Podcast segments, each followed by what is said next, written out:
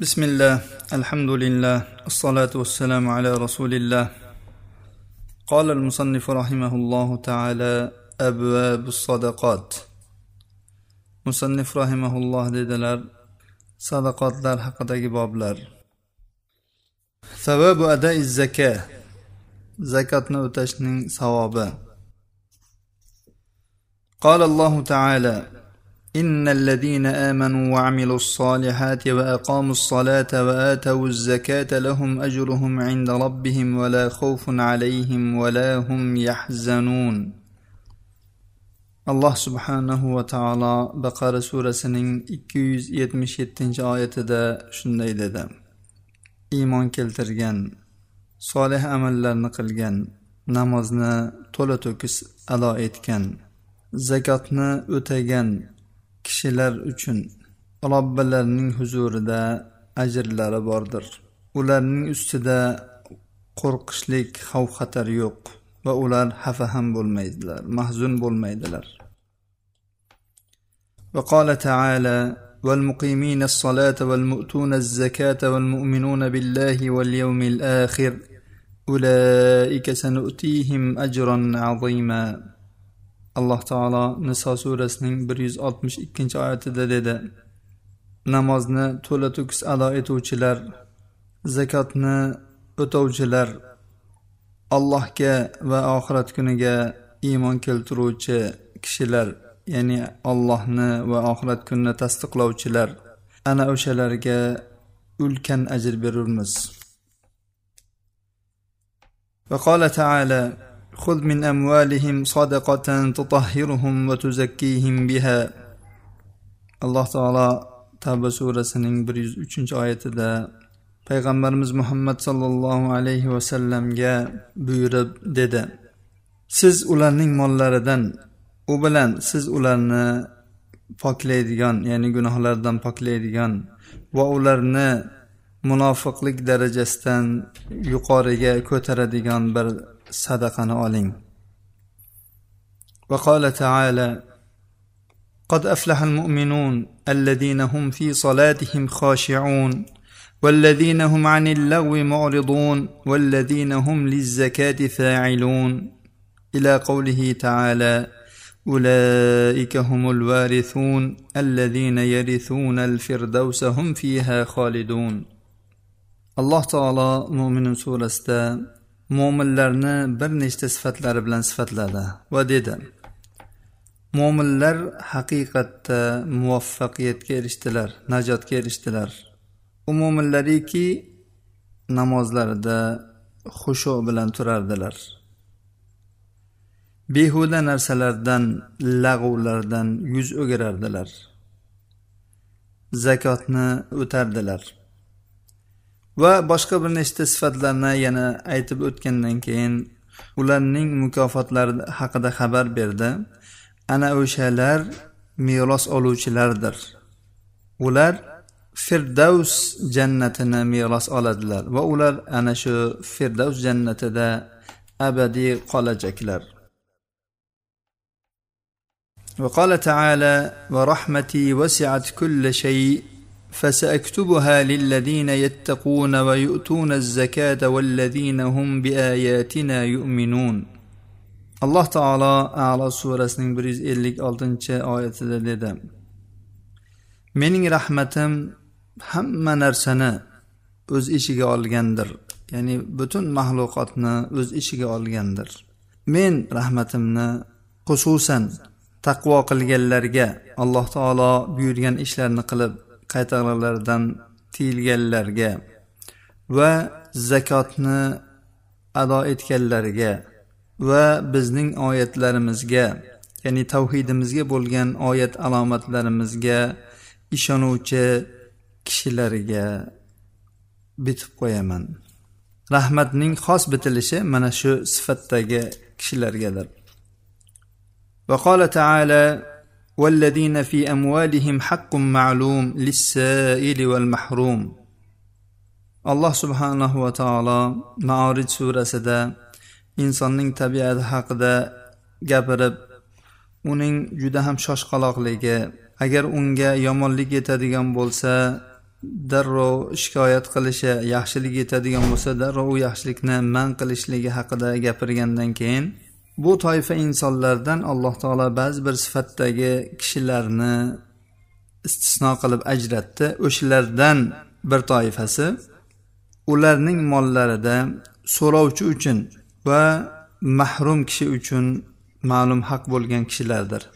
So'rovchi bu yerda ya'ni o'z ehtiyoji bo'lsa shu ehtiyojini so'raydi. Mahrum ehtiyojini ham so'rolmaydigan hijolatda turadigan bir mo'min musulmon kishidir. Bu istisno qilingan kishilarning mollarida shularning haqqi bor. Ya'ni bular so'raydiganga ham beradi so'ramaydigan e, e, ya'ni o'zini ehtiyojini bildirmay turgan odamlarga ham o'z falosati bilan bilib borib berishadi. Demak bularning bu yerdagi ajri ular yomon odamlardan emasligidir. Mana sifat bilan ular yaxshilar qatoriga qo'shilishyapti. وقال الله تعالى وما امروا الا ليعبدوا الله مخلصين له الدين حنفاء ويقيموا الصلاه ويؤتوا الزكاه وذلك دين القيمه ular faqat alloh taologa unga dinni xolis qilib shirkdan tavhidga moyil bo'lgan hollarida ibodat qilishga buyurilgan edilar va namozni to'kis ado etishga zakotni haqdorlarga berishga buyurilgan edilar dinul qayyima mana shu istiqomat dinidir ya'ni istiqomat dini mana shudir ya'ni islom dini mana shudir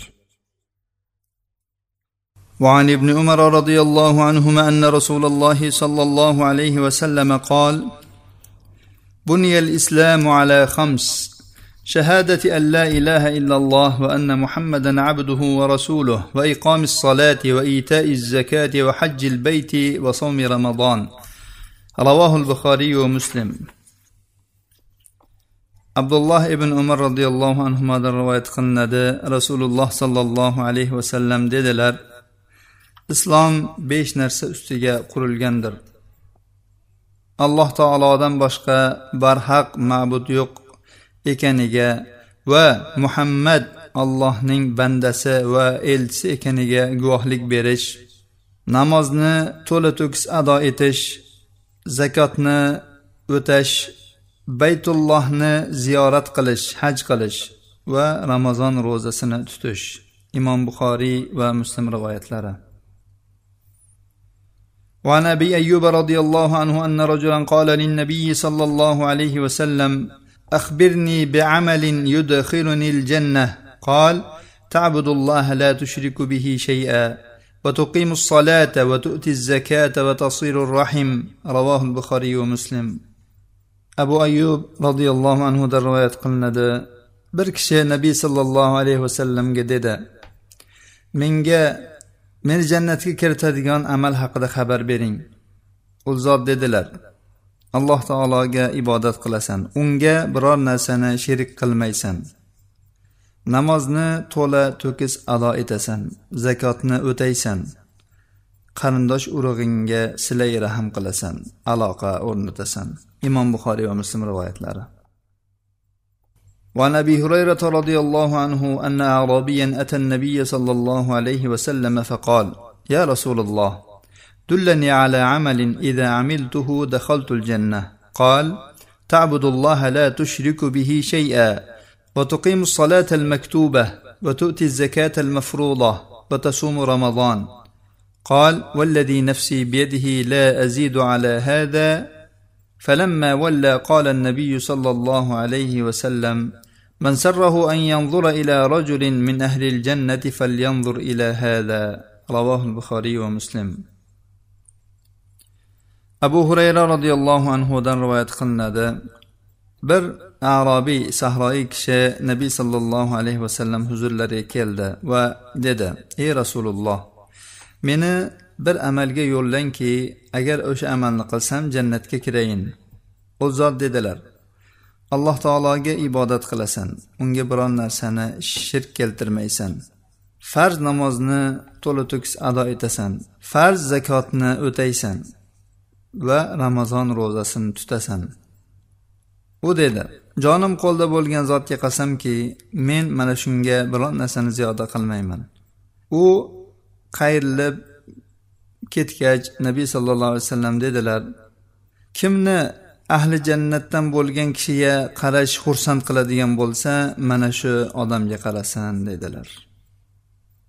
Imom buxoriy va muslim rivoyatlari. Demak bu e, zakotni bergan odam yuqoridagi hadisda ham bunda ham aytildi. Ahli jannatdan bo'lar ekan uning mukofoti jannat. وعن معاذ بن جبل رضي الله عنه قال قلت يا رسول الله اخبرني بعمل يدخلني الجنه ويباعدني من النار قال لقد سالت عن عظيم وانه ليسير على من يسره الله تعالى عليه تعبد الله لا تشرك به شيئا وتقيم الصلاة وتؤتي الزكاة وتصوم رمضان وتحج البيت. رواه أحمد والترمذي وصححه والنسائي وابن ماجه. معاذ بن جبل رضي الله عنه دروات قلنا ددا من رسول الله صلى الله عليه وسلم جاء. يا رسول الله من جاء meni jannatga kiritadigan va do'zaxdan uzoqlashtiradigan bir amal haqida xabar bering.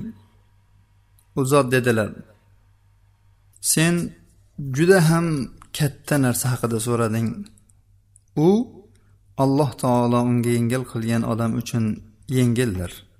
Alloh taologa biror narsani sherik qilmasdan alloh taologa ibodat qilasan. Namozni to'la to'kis ado etasan. Zakotni o'taysan. Ramazon ro'zasini tutasan. Baytullohni haj qilasan. Imom ahmad termiziy rivoyatlari. Termiziy bu hadisni sahih sanaganlar nasoiy va ibn mojalar ham rivoyat qilganlar. Shayx alboniy bu hadisni sahih targ'ibot tarhibda yetti yuz o'ttiz to'qqizinchi raqam ostida sahih sanaganlar. وعن جابر رضي الله عنه قال قال رجل يا رسول الله أرأيت إن أدى الرجل زكاة ماله؟ فقال رسول الله صلى الله عليه وسلم من أدى زكاة ماله فقد ذهب عنه شره.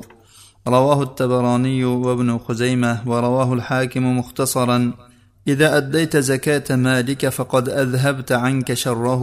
وقال صحيح على شرط مسلم. Jabr roziyallohu anhudan rivoyat qilinadi dedi. Bir kishi aytdiki ey rasululloh aytingchi bir odam molining zakotini bersa nima bo'ladi? Rasululloh sollallohu alayhi vasallam aytdilarki kim molining zakotini ado etsa undan molining yomonligi ketibdi. Tabaloniy ibn huzayma rivoyatlari hokim buni muxtasar suratda qisqaroq qilib rivoyat qilganlar agar siz molingizni zakotini o'taydigan bo'lsangiz o'zingizdan ana shu molning yomonligini ketkazibsiz. Va bu hadisni muslim shartiga ko'ra sahih deganlar shayx alboniy sahih targ'ibot va tarhibda yetti yuz qirq uchinchi raqam bilan buni sahih sanaganlar. وعن عمرو بن مرة الجهني رضي الله عنه قال جاء رجل من قضاعة إلى رسول الله صلى الله عليه وسلم فقال إني شهدت أن لا إله إلا الله وأنك رسول الله وصليت الصلوات الخمس وصمت رمضان وقمته وآتيت الزكاة. فقال رسول الله صلى الله عليه وسلم من مات على هذا كان من الصديقين والشهداء. رواه البزار وابن خزيمة وابن حبان. Amr ibn murra al juhaniy roziyallohu anhudan rivoyat qilinadi dedi. Quzoa qabilasidan bo'lgan bir kishi rasululloh sollallohu alayhi vasallam huzurlariga kelib dedi. Men alloh taolodan o'zga barhaq iloh yo'q va siz allohning elchisi deb guvohlik berdim. Besh vaqt namozni o'qidim ramazon ro'zasini tutdim va tunlarida qoyim bo'ldim. Zakotni o'tadim. rasululloh sollallohu alayhi vasallam dedilar kim mana shu ishlar ustida vafot etadigan bo'lsa u siddiqlardan va shahidlardan bo'ladi. Bazzor ibn huzayma va ibn hibbon rivoyatlari shayx alboniy sahih targ'ib tarhibda yetti yuz qirq to'qqizinchi raqam bilan sahih sanaganlar. Man adda zakata malihi tayyibatan biha nafsuhu. Ko'nglidan chiqarib molining zakotini ado etgan kishining savobi. عن ابي الدرداء رضي الله عنه قال قال رسول الله صلى الله عليه وسلم خمس من جاء بهن مع ايمان دخل الجنه من حافظ على الصلوات الخمس على وضوئهن وركوعهن وسجودهن ومواقيتهن وصام رمضان وحج البيت ان استطاع اليه سبيلا واعطى الزكاه طيبه بها نفسه وادى الامانه الحديث رواه التبراني باسناد جيد abu dardo roziyallohu anhudan rivoyat qilinadi dedi rasululloh sollallohu alayhi vasallam aytdilar besh ish borki kim ana shularni iymon bilan bajaradigan bo'lsa jannatga kiradi kim besh vaqt namozni tahoratlarini rukulari sujudlari va vaqtlarini muhofaza qilgan bo'lsa ramazon ro'zasini tutsa yo'lga qodir bo'lsa baytullohni haj qilsa zakotini ko'nglidan chiqarib xursand bo'lib ado qilsa va omonatni egalariga ado qilsa. Bu hadisni davomi ham bor. Tabaroniy yaxshi isnod bilan rivoyat qilganlar. Shayx alboniy sahih targ'ibot va tarhibda yetti yuz o'ttiz sakkizinchi raqam bilan bu hadisni hasan deganlar وعن عبد الله بن معاوية الغاضري رضي الله عنه قال قال رسول الله صلى الله عليه وسلم ثلاث من فعلهن فقد طعم طعم الإيمان. من عبد الله وحده وعلم أن لا إله إلا الله وأعطى زكاة ماله طيبة بها نفسه رافدة عليه كل عام ولم يعط الهرمة ولا الدرنة ولا المريضة ولا الشرة اللئيمة ولكن من وسط أموالكم فإن الله لم يسألكم خيره ولم يأمركم بشره رواه أبو داود abdulloh ibn muaviya al g'odiriy roziyallohu anhudan rivoyat qilinadi dedi rasululloh sollallohu alayhi vasallam aytdilarki uch ishni kim qiladigan bo'lsa iymon mazasini totadi kim alloh taoloning yolg'iz o'ziga ibodat qilgan bo'lsa va alloh taolodan o'ziga barhaq ma'bud yo'q ekanligini bilsa molining zakotini ko'nglidan chiqarib va nafsi unga yordam bergan holatda har yili chiqarsa hayvonlardan qarisini va qo'tiri borini va kasalini va umumiy molining eng pastini bermasa lekin mollaringizni o'rtasidan bering alloh taolo sizlardan molingizning eng yaxshisini so'ramadi va eng yomonni berishingizga ham buyurmadi abu dovud rivoyati bu hadisni shayx alboniy sahih sunan abi davudda bir ming to'rt yuzinchi raqam bilan sahih sanadilar ثواب العامل على الصدقة والخازن إذا كان أمينين omonatdor bo'lgan sadaqa yig'uvchi va xazinachining savobi. عن رافع بن خديج رضي الله عنه قال سمعت رسول الله صلى الله عليه وسلم يقول العامل على الصدقة بالحق لوجه الله عز وجل كالغازي في سبيل الله تعالى حتى يرجع إلى أهله رواه أحمد وأبو داود والترمذي وحسنه وابن ماجه وابن خزيمة rofi ibn hadij roziyallohu anhudan rivoyat qilinadi dedi men rasululloh sollallohu alayhi vasallamdan shunday deyayotganlarini eshitdim. Alloh taoloning yuzi uchun haq bilan sadaqa yig'uvchi ya'ni zakot yig'uvchi to ahliga qaytib kelguniga qadar alloh taolo yo'lidagi g'oziy kabidir. Bu hadisni imom ahmad abu dovud termiziy ibn moja ibn huzaymalar rivoyat qilgan termiziy bu hadisni hasan sanaganlar shayx alboniy sahih targ'ib va tarhibda yetti yuz yetmish uchinchi raqam bilan sahih sanaganlar وخرج الطبراني بإسناده عن عبد الرحمن بن عوف رضي الله عنه قال قال رسول الله صلى الله عليه وسلم العامل إذا استعمل فأخذ الحق وأعطى الحق لم يزل كالمجاهد في سبيل الله حتى يرجع إلى بيته tabaroniy abdurahmon ibn afga bo'yicha bo'lgan isnodi bilan rivoyat qilinadi. Roziyallohu anhu dedilar rasululloh sollallohu alayhi vasallam aytdilar agar zakot yig'uvchi ishga yuborilsa va u haqni olsa va haqni o'tasa ya'ni zakotdan haqli bo'lgan narsalarni olib kelib hokimga bu haqlarni to'la ado etib yig'ib olib kelib beradigan bo'lsa u uyiga qaytib kelgunigacha alloh yo'lidagi mujohid kabidir.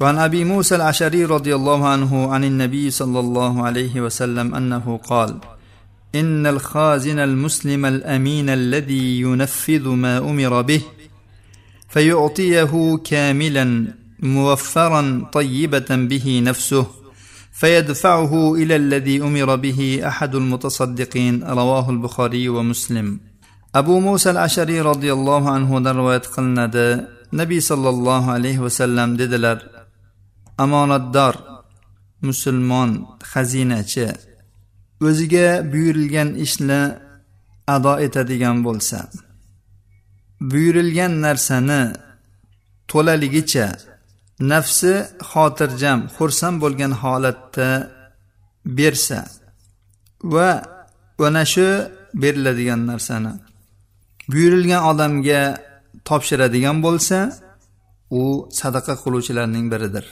imom buxoriy va muslim rivoyati وعن ابي هريره رضي الله عنه عن النبي صلى الله عليه وسلم انه قال خير الكسب كسب العامل اذا نصح رواه احمد باسناد جيد abu hurayra roziyallohu anhudan rivoyat qilinadi.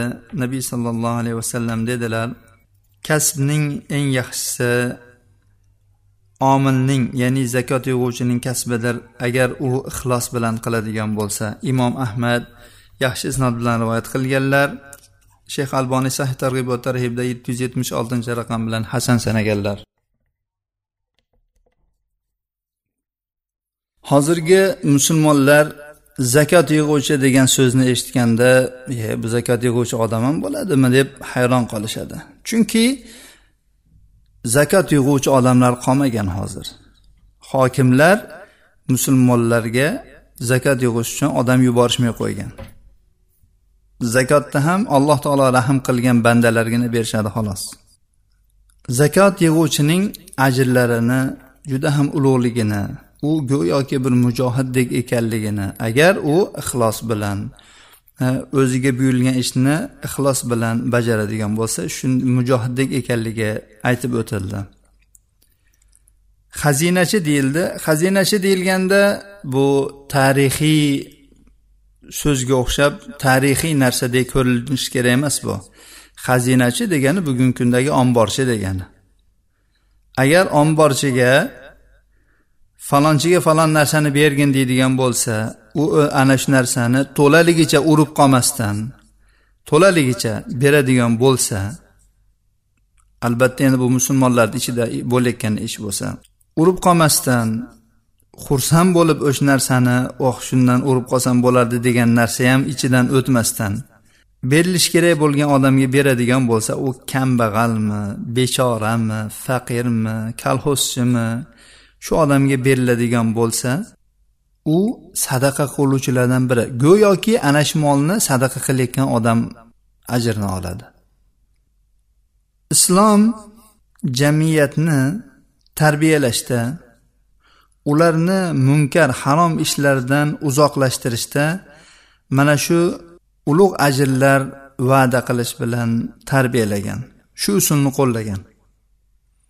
Biz bu va'dalar alloh subhanahu va taoloning bizga yuborgan sodiq payg'ambaridan vorid bo'lganligi uchun o'sha kishi tomonidan aytilgani uchun biz bu narsalarni yuzda yuz tasdiqlaymiz va mana shu ajrlarga erishish uchun intilamiz.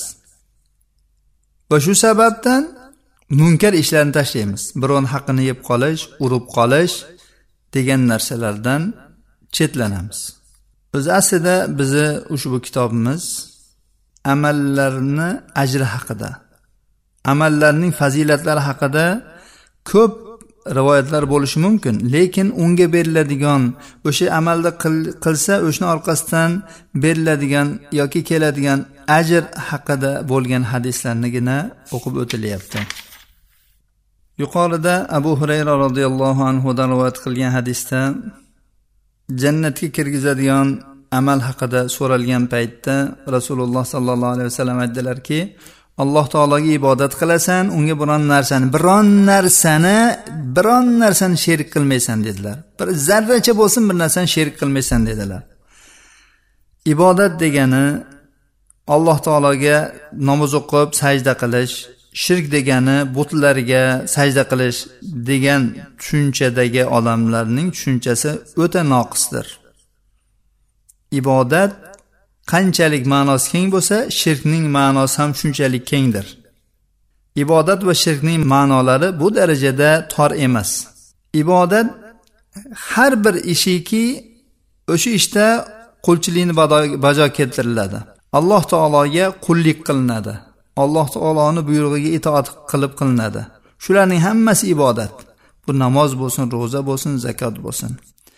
Yaxshilik qilish bo'lsin yomonlikdan chetlanish bo'lsin birovni haqqini ado qilish bo'lsin. Va hokazo. Va shularni ichida alloh taologa biz alloh taoloni shariati bilan hukm qilish bilan ham ibodat qilamiz. Chunki alloh taolo aytgan yaratish ham ish ham buyruq ham uniki deb. Ya'ni alloh taolo butun maxluqotni yaratgan va ularning ustiga alloh taolo o'z qonun qoidalarini qo'ygan va mana shu maxluqotlarining ustida alloh taoloning qonun qoidalarini qo'llashlik kerak. Bu alloh taoloning haqqi.